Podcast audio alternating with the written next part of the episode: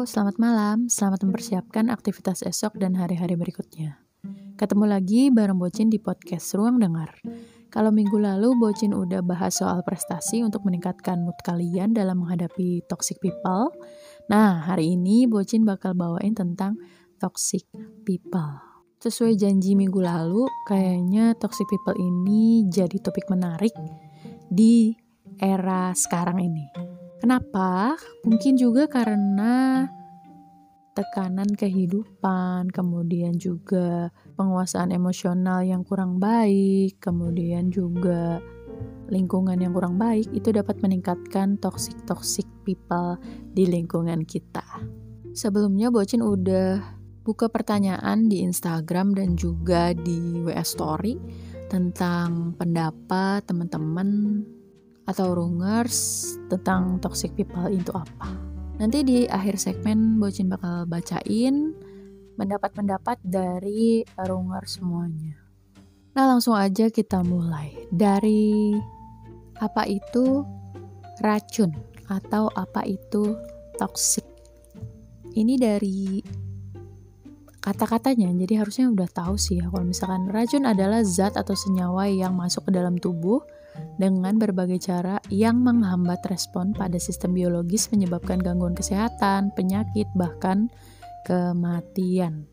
Kalau misalnya dikaitkan nih sama yang namanya toxic people atau orang-orang yang jadi toxic itu benar-benar emang sedikit demi sedikit bakal ngancurin rekannya di lingkungannya. Lalu kita lihat dulu pengertian dari toxic people. Toxic people adalah istilah yang ditujukan untuk orang yang beracun. Seseorang dianggap menjadi racun ketika ia menebarkan sesuatu yang negatif ke lingkungan sekitarnya. Jadi udah tahu ya kalau misalnya ada orang-orang yang kayaknya lah kok orang ini begini ya kalau sampai kita ngomong kayak gitu berarti orang itu sudah masuk ke kriteria toxic people lalu nih ada beberapa contoh atau atau ciri-ciri yang paling banyak ditemui. Jadi misalnya rungers itu lihat atau ngerasa wah kayaknya orang ini kayak begini deh. Nah, langsung aja ya dimulai. Yang pertama adalah ghosting. Istilahnya itu ketika seseorang memutuskan hubungan dengan menghentikan semua komunikasi dan kontak. Misalnya kalau misalnya sama mantan nih, itu tuh kayak langsung gue nggak mau kenal dia lagi gue nggak mau hubungan lagi gue nggak mau nyimpan nomornya lagi gue mau hapus semua foto kenangan semua tentang dia. Nah kayak gitu sama kayak namanya ghosting atau menghilang. Ibaratnya tuh kayak yang udah bener-bener nggak mau deh ketemu lagi atau berhubungan lagi sama orang tersebut. Misalnya kalau dalam kehidupan sehari-hari itu jika Misalnya nih, rungers mendadak hilang dari pergaulan. Misalnya kita tadinya temenan, atau rungers punya geng yang lima orang, terus ada sesuatu hal yang bikin nggak nggak nggak apa ya nggak sejalan. Entah kita yang salah atau mereka yang salah dan menghilang begitu aja. Itu yang pertama. Jadi orang-orang kayak begitu paling demen ghosting menghilang. Jadi kayak dia ngerasa ya lo nggak cocok sama gue mending gue cabut kayak gitu. Mungkin dari sisi pandang mereka tuh mereka kayak ngerasa ya udah daripada nggak cocok mendingan gue yang cabut. Nah tapi kayaknya itu harusnya sih ada evaluasi diri sih kenapa bisa gue nggak cocok sama orang itu. Gitu. Dan yang kedua adalah super narsis. Jadi kalau misalnya zaman zaman dulu yang narsis kan tahu ya foto dari atas terus foto uh, muka lo di di lucu-lucuin tapi nggak lucu kayak gitu ya. Itu namanya super narsis. Tapi super narsis ini maksudnya adalah dia itu pengen banget jadi pusat perhatian yang pertama entah dengan berbagai cara apa pun. Terus juga sebenarnya orang itu udah tahu kalau misalnya dia itu diperhatiin sama orang lain. Terus dia juga pengen tampil gitu. Tampil tuh ibaratnya kayak way gue ada gitu. Dan ngerasa diri dialah yang paling pantas dalam segala hal. Nah ini parah ya misalnya kalau di dunia pekerjaan kayak lah emang orang itu bisa ya jadi jadi di posisi itu?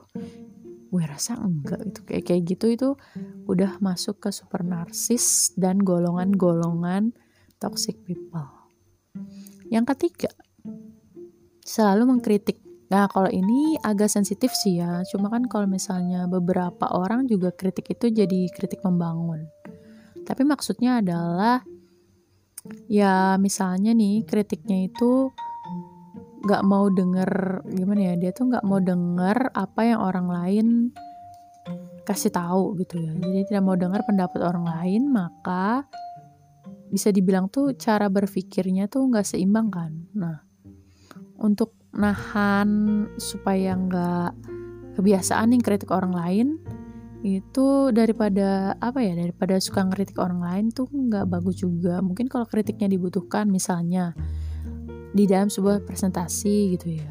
Terus rungers diminta untuk ada saran atau kritik. Nah itu baru dikemukakan. Jangan sering mengkritik orang lain. Misalnya kok dia kayak gini ya kayak gini gini nah itu disampaikan langsung ke dia gitu atau bisa jadi disampaikan kepada orang lain. Nah itu kurang baik ya. Jadi uh, jangan sampai ya kalau misalnya rungers lakuin dan itu kalian sudah masuk golongan toxic people. Gak enak banget ya. Jangan sampai. Ih serem. Yang keempat yaitu adalah hasut. Hasut itu adalah membangkitkan hati orang supaya marah. Jadi ibaratnya ini sih udah kayak mirip-mirip sifatnya setan gitu-gitu ya untuk mengganggu atau membangkitkan kemarahan seseorang. Gitu. Orang yang menghasut tuh maksudnya adalah misalnya uh, Rungers pernah nih ceritain keburukan orang lain kepada temennya. Lalu temennya tuh ngerasa terusik. Misalnya kita cerita ke si A terus si A tuh ngerasa apa ya terusik gitu dan menjadi marah atas Rungers tuh ngomong apa gitu ya atas berita yang Rungers kasih tahu. Nah itu udah Rungers tuh udah jadi salah satu dari penghasut gitu. Misalnya eh ngapain deh ke sini ngapain datang ke presentasi itu? Orang dia aja nggak pernah ngedengerin kalau misalnya lu lagi ngapa-ngapain? Ngapain? Udah nggak usah. Nah itu kan si orang yang diajak ngomong itu kok kok dia ngomong gini ya?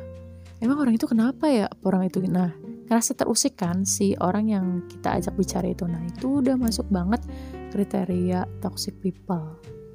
Lebih bahayanya lagi nih misalnya uh, rungers ngerasa seneng ketika udah jadi penghasut. Nah itu itu bahaya bahaya banget. Nah yang kelima adalah pencari perhatian. Nah ini orang-orang sekarang banyak gak sih rongers orang-orang kayak begini ya? Banyak banget. Jadi suka cari perhatian, suka jadi pusat perhatian. Ini kayak sama aja sih agak mirip sama yang narsis. Cuma dia bedanya itu apa ya? Dia nyari-nyari gitu. Jadi misalnya eh abis tingkah pola gue yang ini gue mau ngelakuin tingkah pola yang mana ya? Nah itu tuh yang kayak kayak gitu tuh yang bener-bener kasihan gitu ya kayak sakit banget tuh orang gitu. Kalau misalnya dia berbicara sama orang lain harus kayak weh dengerin gue dengerin gue gitu kayak nggak mau kalah. Pernah nggak sih kalau misalnya ada kita ngomong nih sama orang itu tapi orang itu tuh nggak mau kalah. Jadi nggak bisa disela gitu omongannya. Itu berarti kan dia kayak yang weh perhatiin gue dulu gitu. Egois banget dan minta diperhatiin. Gitu. Terus perilaku ini tuh ya aduh ya salah satu penyimpangan ya atau golongan dari toxic people. Kemudian selanjutnya adalah kalau misalnya dari si masih di dari per, pencari perhatian ini ya. Kalau di sosiologi eh bukan ya si aduh gue agak susah nih ngomong di si sumpah ya cacat banget. Oke gue dapet psikologi ya. Kalau misalnya di psikologi itu orang-orang kayak begini ada tuh namanya histronic. Yaitu adalah bentuk gangguan mental atau gangguan kepribadian yang membuat penderitanya tuh sulit memahami citra dirinya sendiri.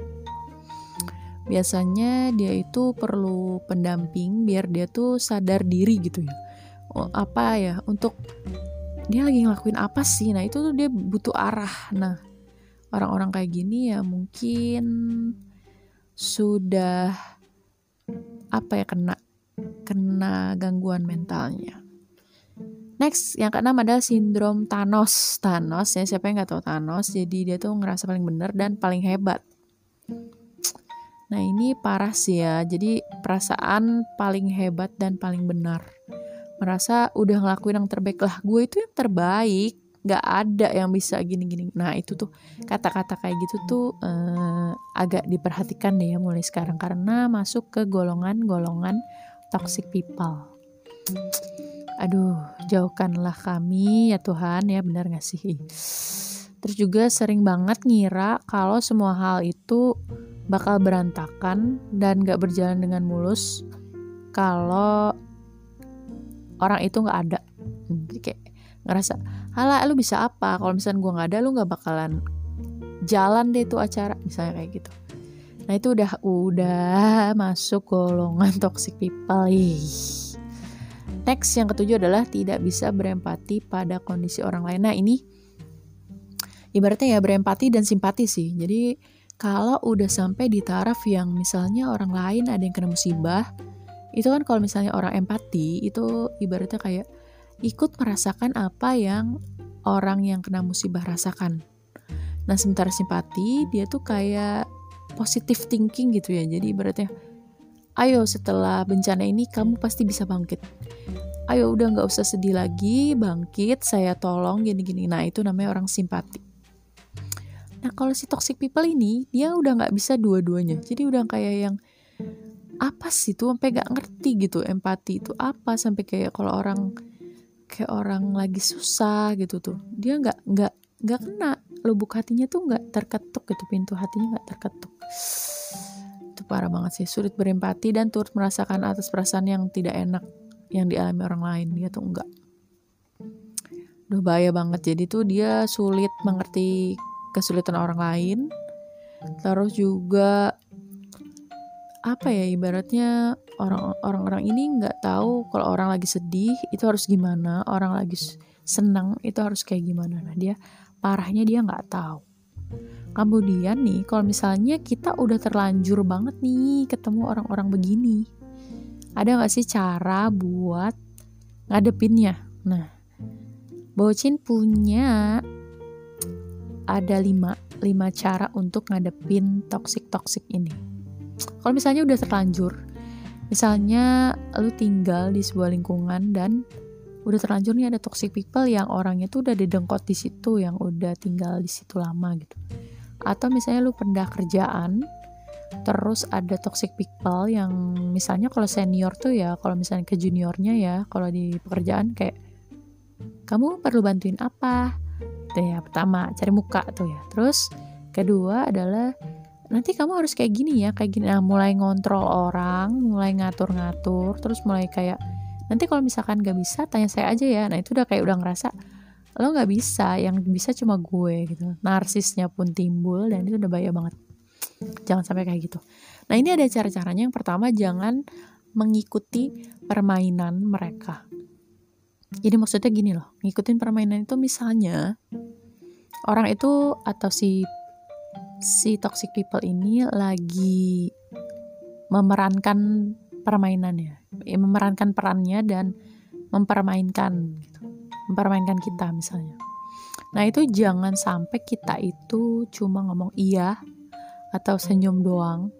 Nah itu gak banget. Jadi harusnya kita itu jawab adalah ketidaksetujuan terhadap pendapat mereka. Karena kalau misalnya lu tuh malah senyum atau oh iya gitu.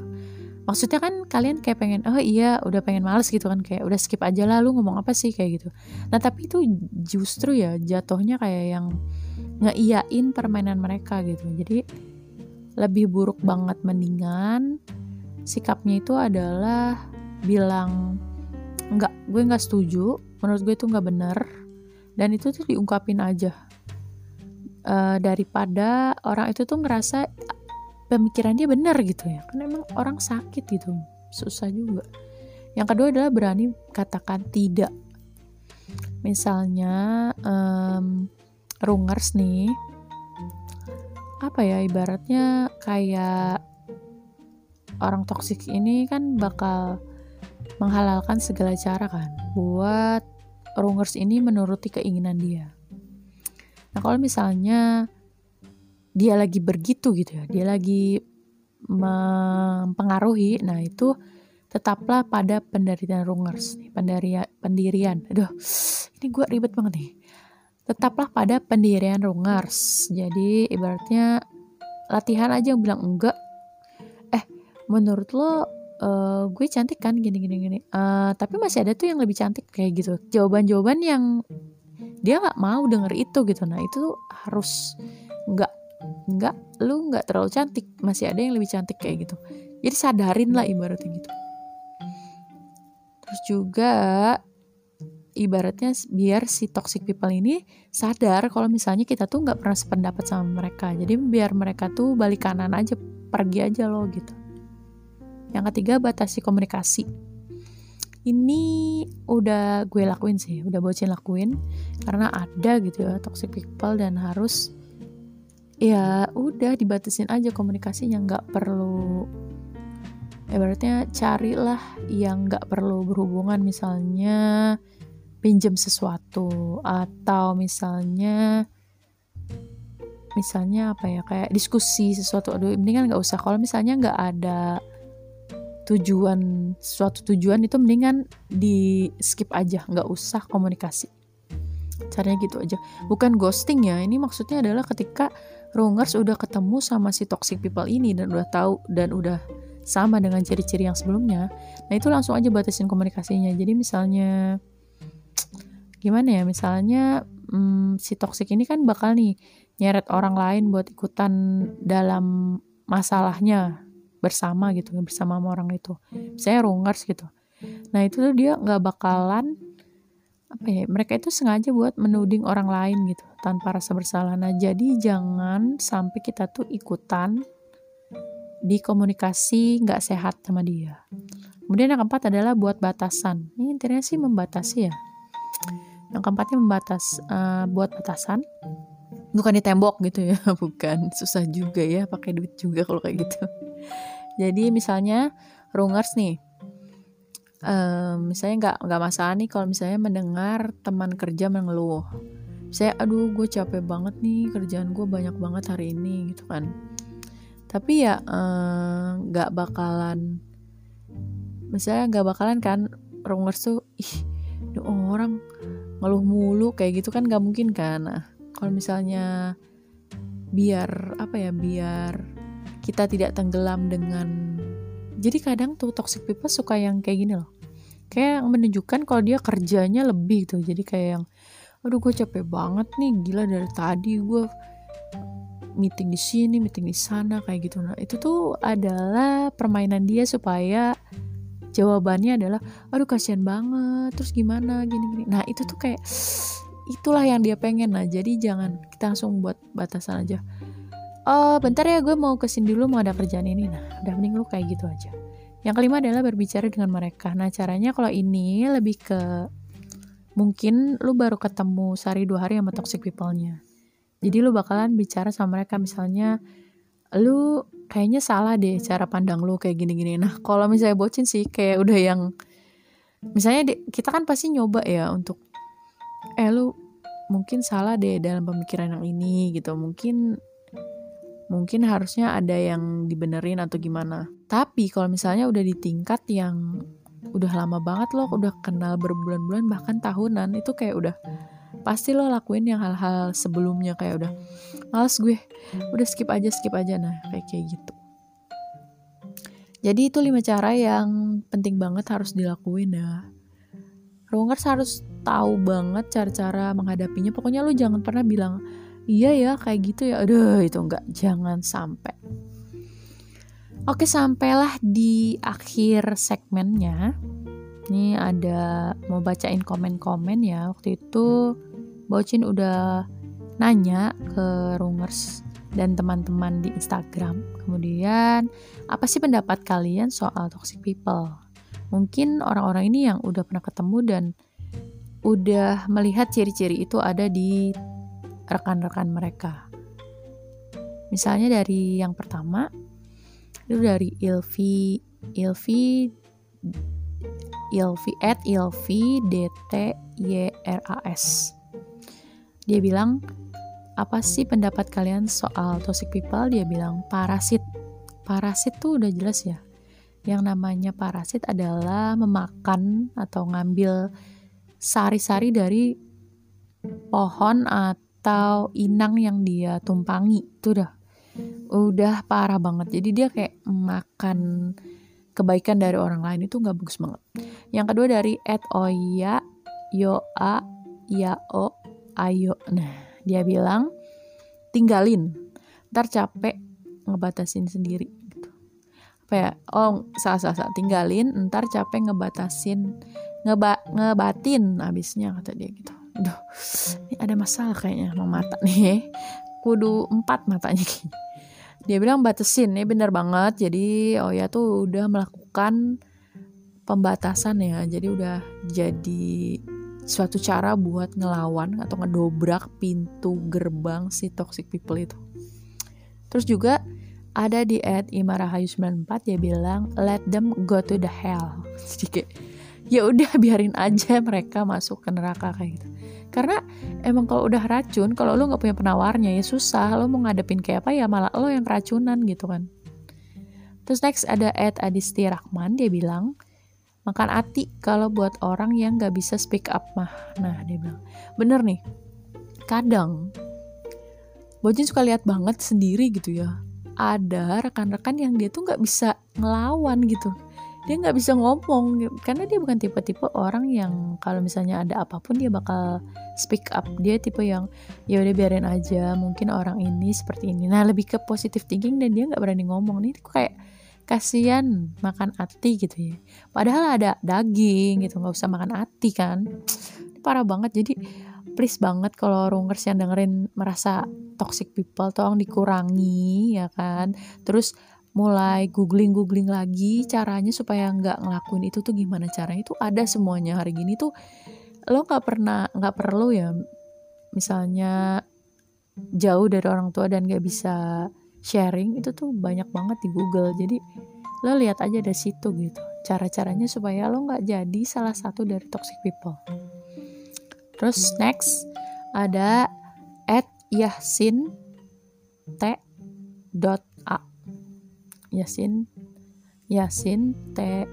A. Dia bilang sesuatu yang harus dihindari atau dihentikan. Kadang mikir sih apa diri ini jadi toksik buat orang lain juga. Nah ini nih, ya kadang pernah mikir gak sih kalau misalnya jangan-jangan gue juga masuk di list itu gitu. Makanya harus pintar-pintar berbicara dan juga menempatkan diri ya. Itu udah zaman edan ya kan?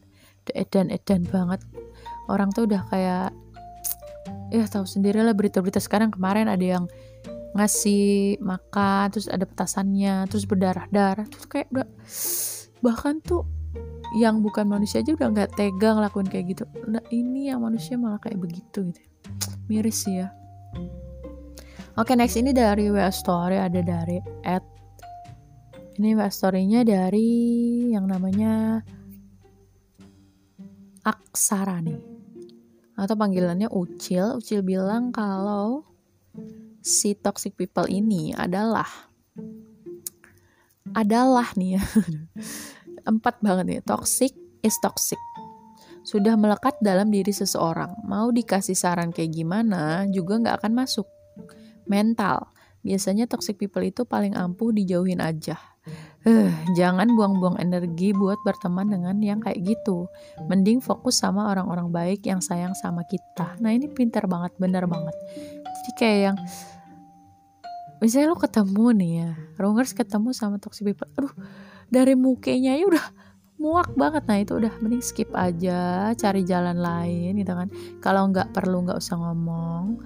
Dan kalau dia ngomong pura-pura nggak denger aja dari jauh. Misalnya dia udah jauh. Uh, pura-pura sibuk aja gitu jadi dia nggak bakal ngajak ngomong kalian terus teras, terakhir nih dari Rizky Rizky bilang Toxic people means are mereka adalah salah satu ujian dari Allah atau ujian dari Tuhan untuk menguji hambanya yang akan dinaikkan derajatnya. Nah ini mantep banget ya, Masya Allah.